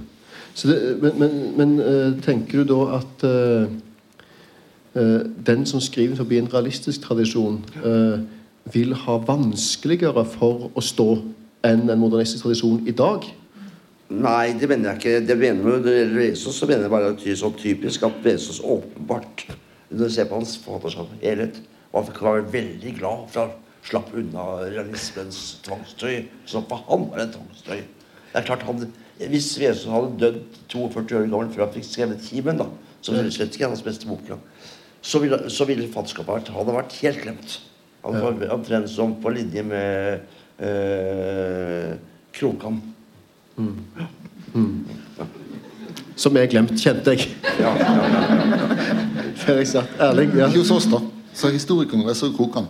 Fordi at det er han som eh, lanserte frasen 'det store hamskiftet' om eh, forvandlingen av bondesamfunnet. Så Krokan lever på, på avdeling for historie, da. men ikke, ikke på litteraturvitenskap lenger. Nei, nei, det... men, men, bare til dette her med, med realisme, og kanskje da i videre forstand spørsmålet om hvorfor stor litteratur blir stående som, som, større litteratur, så er det vel ytterligere en, en, en sånn kompliserende dimensjon her at eh, gammel storlitteratur blir stående som stor også fordi den får etterfølgere. Eh, fordi at man sant? Jeg var en av de som, som vokste opp med Bjørneboe og leste alt som var av Bjørneboe, og som eh, syntes at 'Blåmann' var en av de mest fantastiske romanene som var skrevet. Så det var 13-14 år. Fordi at det var den første kunstnerromanen jeg hadde lest. Og at uh, jeg syns 'Haiene' var et eventyr fordi jeg ikke hadde lest Joseph Conrad. Og det, det satte meg i beredskap for å lese Conrad seinere. Uh, så ettertiden er jo aldri noe annet enn enn fortiden heller. At, at den blir løpende konstruert. og at Man kunne jo også tenkt seg det motsatte forløpet av ditt regnestykke med, med Dun og Vesaas. At Vesaas legger Dun død fordi han viser at du kan lage noe som ligner i en metalitterær, mytisk, modernistisk form. Man kunne jo også tenkt seg at Vesaas, hvis han hadde blitt stående som enda større, ville reddet Dun. Og gitt Dun også et preg av å være mytisk og stor, og en som turnerte de motivene som skulle bli værende store og vesentlige i norsk litteratur takket være Vesaas. Ja er litt så vanskelig for å forestille, forestille meg det. Jeg har det, altså. Men uh... Men uh, Janniken. Ja. Uh, dette realist-modernisme-skillet som du selv er inne på, du avslutter også å peke på det, om det, om det kan være uh, at det, det skillet går der. Uh, tror du på det sjøl? Nei, altså noe av, det, noe av de beste realistiske romanene eh, som, som, liksom er veldig inne i sin egen tid, sånn, de blir jo stående fordi de er så, så liksom tydelige. Mens noen av de mer sånn alminnelige forsvinner, for det ligner på alt annet. Mens modernismen har jo en tendens til å løfte seg over eh, liksom jordsmonnet og handle om litt mer eksistensielle ting. Hvis du går helt ut til den franske moderne romanen, f.eks., så er det jo helt oppe over. Og på en måte så har jo den typen litteratur fortsatt å være der hele tiden, fordi den ikke har så mye sånn Bortsett fra at den plasseres i en periode, selvfølgelig. Det må vi jo gjøre for å holde orden. Eh, sånn at det er, det er liksom et sånt misforhold mellom liksom, hva har holdt seg Noe som har holdt seg, har vært utrolig tidsbisk og tydelig. Og noe som har holdt seg, har vært mye mer sånn eh, svevende over. Jeg tenkte på, Når Dag sier det med, med Vesaas, så var jo Vesaas, eh, sånn som Olav H. Hauge, mye mer inspirert av det utenlandske. Eh, du sier at du er norsk fordi du skriver på norsk. De to var veldig norske, Hauge og Vesaas, men de var veldig vendt mot det utenlandske. De Vesaas og Haldis reiste også på teater, var franskorientert og sånn. Olav og Hauge levde i Hardanger og i verden. Så det er noe der òg som åpner opp. Men du, men du var faktisk også interessert i utenlands. Han var, han var nesten en spesialist på russiske Eh, romaner, f.eks. Mm. Men hva slags nedslag fikk det egentlig i hans egen skriving? Uh, ifølge samtiden så, så snakket stadig vekk uh, det de om at, hans, at, at, han var på linje med Dostojevskij. Så det var ikke fremmed for det. Mm. Mm. Men, ja. men, han, men, han, var sikkert veldig fjern for, for Prost, da. Det må vi anta. Men Kjersti, du svarte til dels på dette i foredraget etter innledningen din eh, om din lesning, eh, som, som, jo òg ligger tett på, på, det som Dag og, og Jannik er inne på nå i forhold til modernisme realisme. Eh, altså at den, det å heve seg ut over det realistiske gir litteraturen en dimensjon som kan gjøre at den varer lenger. Men eh, eh, betyr det at eh, du leser eh, realismen på samme måte som Dag og Anniken, tror du? Jeg er litt nysgjerrig på dette, for jeg er litt nysgjerrig på, på generasjoner her. Mm. Eh, som jeg sa vi, for de som var her når Dag holdt eh, Dun-foredraget altså Mine besteforeldre hadde Dun samla, Falkberget samla, Bjørnson samla, eh, Kink eh, samla, Undset samla. All norsk realisme sto i hyllene og leste alt. Og min farfar var norsklektor, og dette var på en måte livets brød. Det var liksom det som danna han, og det var, det var samnorsken og nynorsken og det hele tatt. Og min far ble tvunget til å lese dette. Eh, og hans generasjon, som er den samme som Dag, ble tvunget til å lese det på skolen og la det aldri foran meg. Uh, og Første gang han så med meg boka Olav Duun, så kikket han på meg og sa hva er det som feiler deg? Gjør du det frivillig. Eh, fordi at han hadde det så langt opp i halsen. Og, og var en del av den samme på en måte, tror jeg, eh, modernistiske frigjøringsfasen som skjer på, på 60-tallet, som hvor politikk, litteratur og mange ting skjer samtidig, kultur osv. Eh, mens jeg syns det er mye lettere å lese Falkberg enn Dundig går litt trøtt, men jeg har ingen motvilje mot det. Eh, så jeg da lurer på deg er det, eh, opplever, når, Hvordan opplever du møtet med den type litteratur? Det kan godt hende at det er annerledes eh, Altså at man har mindre behov for å gjøre noe opprør mot det, da, hvis man ikke har vokst opp med det. Nå skal det sies at jeg også har fått beskjed om å lese Dun av far, fordi vi er i slekt med Dun. Så det har vært et sterkt Dun-press i familien eh, vår også. Eh, noe av det med Dun som jeg opplevde som en barriere Jeg har ikke lest så mye av den, men det er jo språket. At det, er utilgjengelig på en måte. Bare, det var sånn lite tankeeksperiment i stad. Hva ville skjedd hvis han ble oversatt til engelsk? da? At man, eh, og at språket opplevdes mer, mer samtidig. Men det jeg tenkte på da jeg leste foredraget i dag på nytt, det var det med altså Det virker som en av innvendingene mot Dun er det kompositoriske grepet. At forfatteren vil få eh, fortellingen til å gå opp. Eh, nåtiden skal henge sammen med fortiden. Det blir for tydelig at det er en som prøver å lage en for, perfekt fortelling ut av det. Da. Og da tenker jeg at kanskje det var det som gjorde at han ble så hyllet i samtiden. De så her er det en som får det til. Han får det perfekt til. Men at nettopp der så gjør det at han ikke overlever det. Den derre bristen, skjørheten som jeg var opp, opptatt av, det eh, den syns ikke. Og derfor så overlever, overlever han ikke eh, nå i samtiden. Mm. Men hva er det som gjør at noen står på en eller annen måte? Hva gjør at vi fortsatt, eller vi, mange, noen fortsatt leser Dickens? Uh, langt flere enn som leser Dune, f.eks. Uh, selv om det på en måte er noe av det samme vi snakker om, en uh, såpeoperalignende intrige hos begge, som, uh, og inn og ut av dører, og, og gamle hevntanker og konstruksjoner. Hva, hva er det som gjør at noe av litteraturen står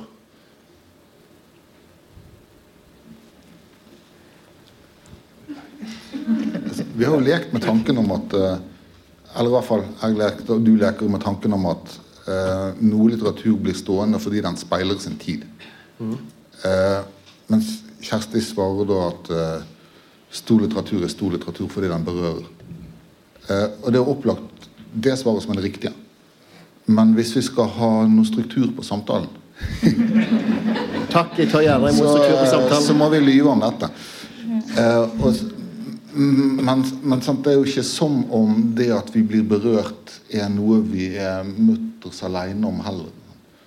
Og at, at vi blir jo berørt fordi at vi kjenner igjen motiver, og at vi kjenner igjen eh, hva skal vi si, arketypiske fortellinger og, og visse typer drama som er sublime i, i vår tilværelse. Og at det, noen typer litteratur gjør det.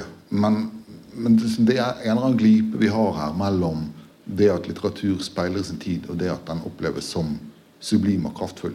Fordi at det som Jeg, sånn, Jeg vet ikke hvordan du har det. Du må snakke mer om berøringen din. Men, men det er jo litt som i, i de eh, musikkverkene som blir store, og mange av de er kalkulert store. De er skrevet for å være store. Sånn Tsjajkovskij skal skrive sin siste symfoni, og han sier dette er den siste symfoni jeg skal skrive min siste symfoni. Jeg vil bli husket for min siste symfoni, som er min sjette. Den skal hete 'Patetikk'. Og så siterer han eh, sitt eget verk, og han siterer andre, han siterer Beethoven, og han lagrer det til et metamusikalsk verk. Og det er vel ofte sånn at de romanene som slår også, er de som er tydeligst litterære. At det er de som snakker om litteraturen, og ikke de som snakker tydeligst med tiden. Dessverre for oss.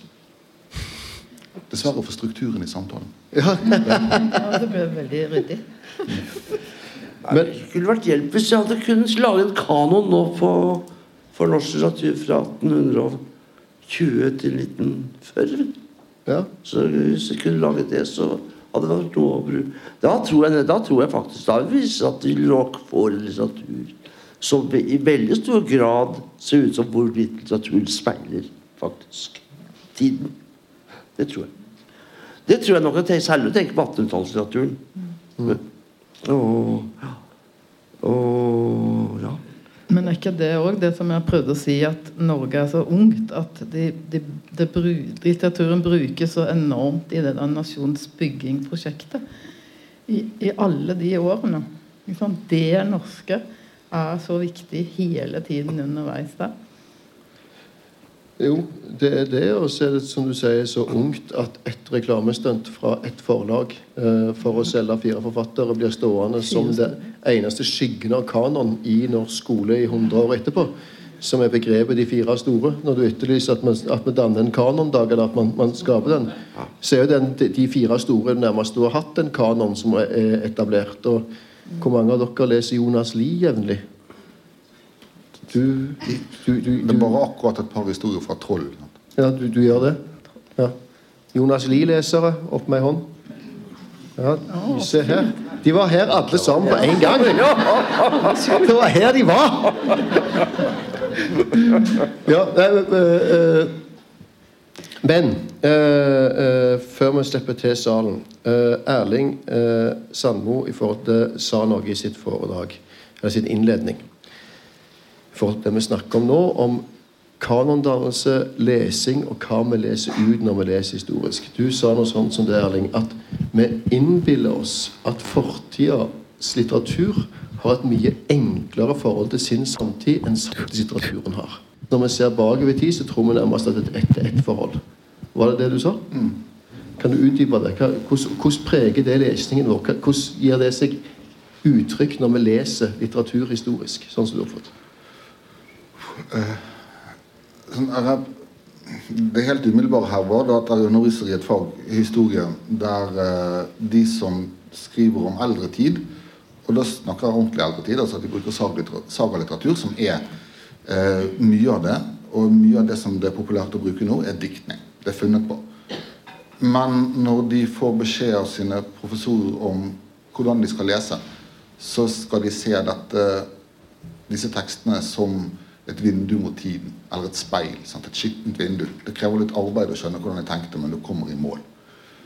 Eh, ved hjelp av eh, regnestykker. Det er ikke, det er ikke eh, overskridende tekster, det er ikke motvillige tekster, det er ikke tvetydige tekster, det er ikke mislykte tekster. De er gode speil. De er kongspeiler alle sammen. Eh, og og det, det tror vi ikke om vår egen tid. Og, jeg vet ikke hvor langt man må tilbake før vi begynner å tro dette. At, men det et altså I hvert fall i nyere litteratur så er det jo et kvalitetstegn at det ikke er det. Uh, hvis vi tenker at, uh, at en litteratur At en roman nå blir anmeldt av en som sier at den speiler sin tid til fullkommenhet. Uh, uten friksjon, uten et sandkorn for mye i speilet, så vil det jo være en drepende kritikk. Mens vi, hvis vi kunne si det om en tekst fra 1400-tallet, så vil historikerne bli lykkelige. Jeg vet ikke om det nå for er rom for å lese si Olav Nygaard, da, hvis det er lov å snakke lyrikk også. Sånn. Olav Nygaard speilet sin tid. Det er ingen som leser uh, Olav Nygaard ja, ja. et dødt forfatterskap om noe. Men det er i hvert fall ingen som leser, som gjør studier nå av Olav Nygaard som opposisjonell. Eller kompleksiteten i Olav Nygaard. Et motvillig barn av sin tid. Uh, så, ja, så hvor langt skal man gå tilbake? Eh, og, og i en sånn, sånn eh, tanke om at litteraturen også har et kvalitetstegn i det at den stritter imot og gjør motstand og er vond å ha i hånden. Eh, noe av det som gjør diskusjonen om dens eventuelle storhet vanskeligere, eller, eller kanskje lettere. Men Kan det være noe av problemet til Dun òg? Nettopp det at uh, konteksten er så gammel, i tillegg til språk og alt det andre, at vi egentlig ikke kan forstå, forstå noen kontekst. men Det, det, det framstår nærmest som et forsøk på en realistisk skildring av noe som vi ikke kan, kan se at det karikerer eller, eller forstørrer eller gjør mindre osv. Er det tenkbart, Erniken? Nei, plutselig så tenkte jeg på Petter Dass. Plutselig. Ja. Um, fordi at han skrev jo både disse eh, klingende versene som vi kan, og liksom har tatt med oss. Og så skrev han jo sånn eh, typo, hva heter det, grafiske beskrivelser av landskap. Så, og det er lenge siden. Eh, hvis du tenker på at han på en måte både hadde en slags sånn, sånn at Hvis du leser i landskapsbeskrivelse, så må du kunne forstå noe om Norge, i hvert fall geografi. Kanskje folk òg. Fiskermenn og sånn. Eh, og så har du de der, de der Gud og ære-versene. Som på en måte er det, det der overskuddsfenomenet. Sånn at du kan få liksom Innen en forfatter kan du få begge deler. Og du forstår jo mer av antagelig å lese det topografiske enn det, det klingende gudeaktige. Hvis du orker å lese det topografiske. Ja, ja. Og det er det. Erling? For dette styrker jo kanskje, hvis jeg forstår det riktig, dags realismetenkning. At noe eldre litteratur er så dypt forankret i sin tid og sin virkelighet og sitt samfunn og sine fiskeorgan at leseren har sin fulle hyre bare med å oversette virkeligheten. Eh, og det kan ikke bli stort. Det er en, en form for realisme som ikke kan bli stor. Og jo mindre du trenger å arbeide for å utlede konteksten av verket, og bare konsentrere deg om dets store strukturer, jo større vil det kanskje virke. Jeg vet ikke. Jeg, jeg, jeg stor litteratur stort fordi, også fordi den er lett å lese. Jeg Det krever ikke arbeidet med, med fotnoten i Olav Nygaard eller kjennskapet til hverdagslivet hos Olav Dun. Den reiser seg fra den. Nei, det, jeg, jeg, jeg tror nok det best først og fremst går Jeg tror ikke det går så veldig mye på altså, at, at, at samfunnet virker fjernt eller noe sånt. Jeg tror det beste går på fortellerteknikker, faktisk. Måten å fortelle det, det, som, var- det som for statiden eller det, samtiden var, var ikke helt naturlig og faen, det var godt satt sånn. Vi nå for har nå, ikke nå bare, for, bare foreldet en gimmick. Sånn, virker litt dum, kan du si. Det, det, er det, det er der det først og fremst slår inn. Og det, er der du, ikke, du skjønner ikke hva Du skjønner ikke samtidens leser. Og hva er det de finner? For det, det, det, det ligger helt skjult. Så jeg tror ikke Det er klart at øh, øh,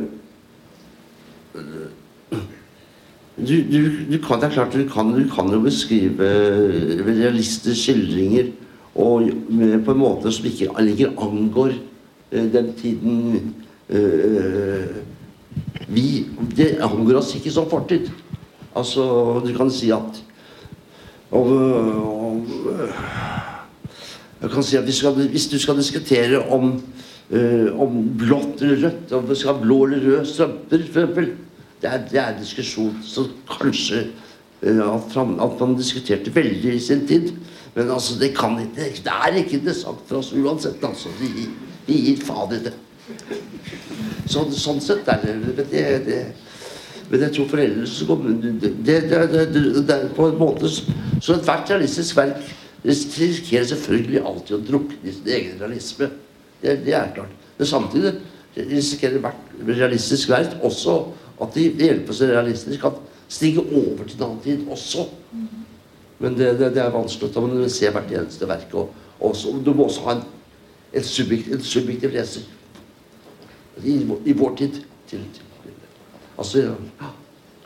Kjersti? Ja, eh, nei, jeg bare tenker på det med eh, om romanen er festet i tid og sted. Altså fordi eh, Sånn som det med norskheten også. Det kan jo, altså, jeg bare tenkte på egen bok som er oversatt til mest språk. altså Den som kanskje er mest festet i det norske. da, I en blokkleilighet på Haugerud med dugnad som man ikke vet hva er i utlandet, og brunost osv. Men likevel Og det at den blir oversatt til andre språk, er jo også som at den går tilbake i tid til altså samfunn som kommer etter. da.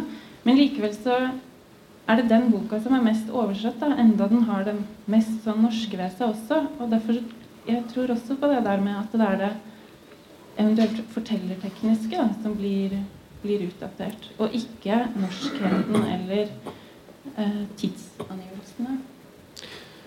Det er to spørsmål før vi skal slippe til salen her. Det ene er eh, til deg, Kjersti, og for så til alle, men i forlengelsen av noe som Dag sa i sitt innlegg, eh, nemlig til litteraturens, dagens forfatteres referanser til serier og film heller enn litteratur. Jeg har lyst til å snu det litt på hodet. For nå snakker vi om fortellerteknikken. Altså en forelda fortellerteknikk hos Dun i dette eksempelet her. Du kan finne det samme hos Lie, som jeg nevnte, eller hos Falkberg, eller Kielland, som jeg akkurat leste, og andre av disse realistiske forfatterne. Hvor en av de tingene som i hvert fall slår deg, i, i tillegg til, til språk og fortellerteknikk, er at det går da uavlidelig seint, dette her. Eh, det tar lang tid før noe etableres og noe skjer. Eh, det tar lang tid før noe kommer fram. Og det som jeg har lurt litt på, eh, er om hvis du tok sujektet i, eh, hos Falkberget f.eks. Uh, og gjorde det til fjernsynsserie, og lagde der fordi at det er drevet av to ting. Det er kontekst eh, og en episk fortelling utvikla av mennesker. Ville det egentlig gjort seg bedre i samtida som TV-serie enn som litteratur? Hva tror du, Kjersti? Kanskje det. Jeg, ehm, jeg tenkte jo Jeg tenkte litt på TV-serien da jeg Jeg tenkte å skrive om Sandemose da, i denne serien. Og jeg foreløpig bare lest en bok.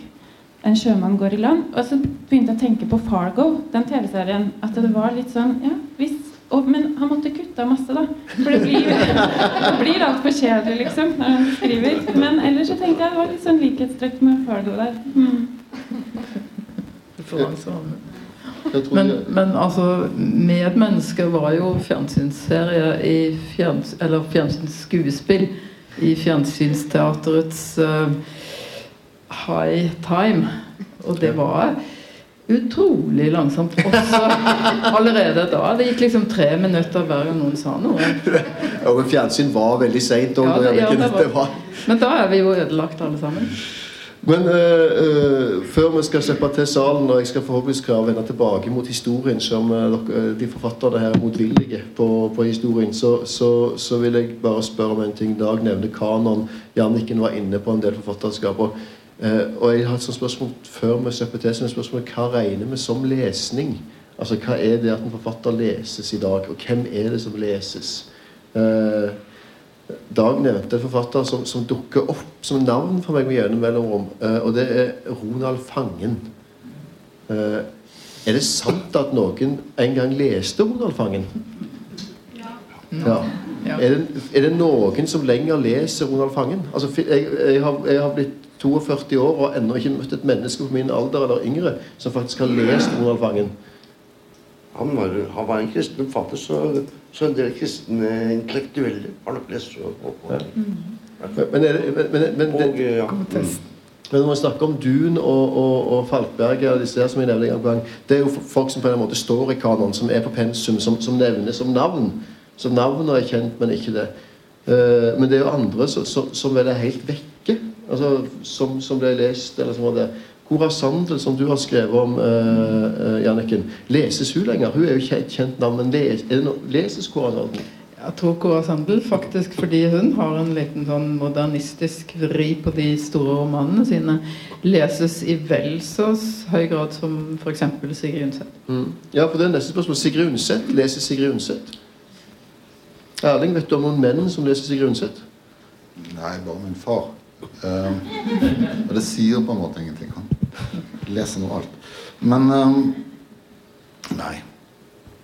Nei, sant. Altså, det, det varsellampene begynner å blinke når bøkene ligger på skrivebordet hos historikere.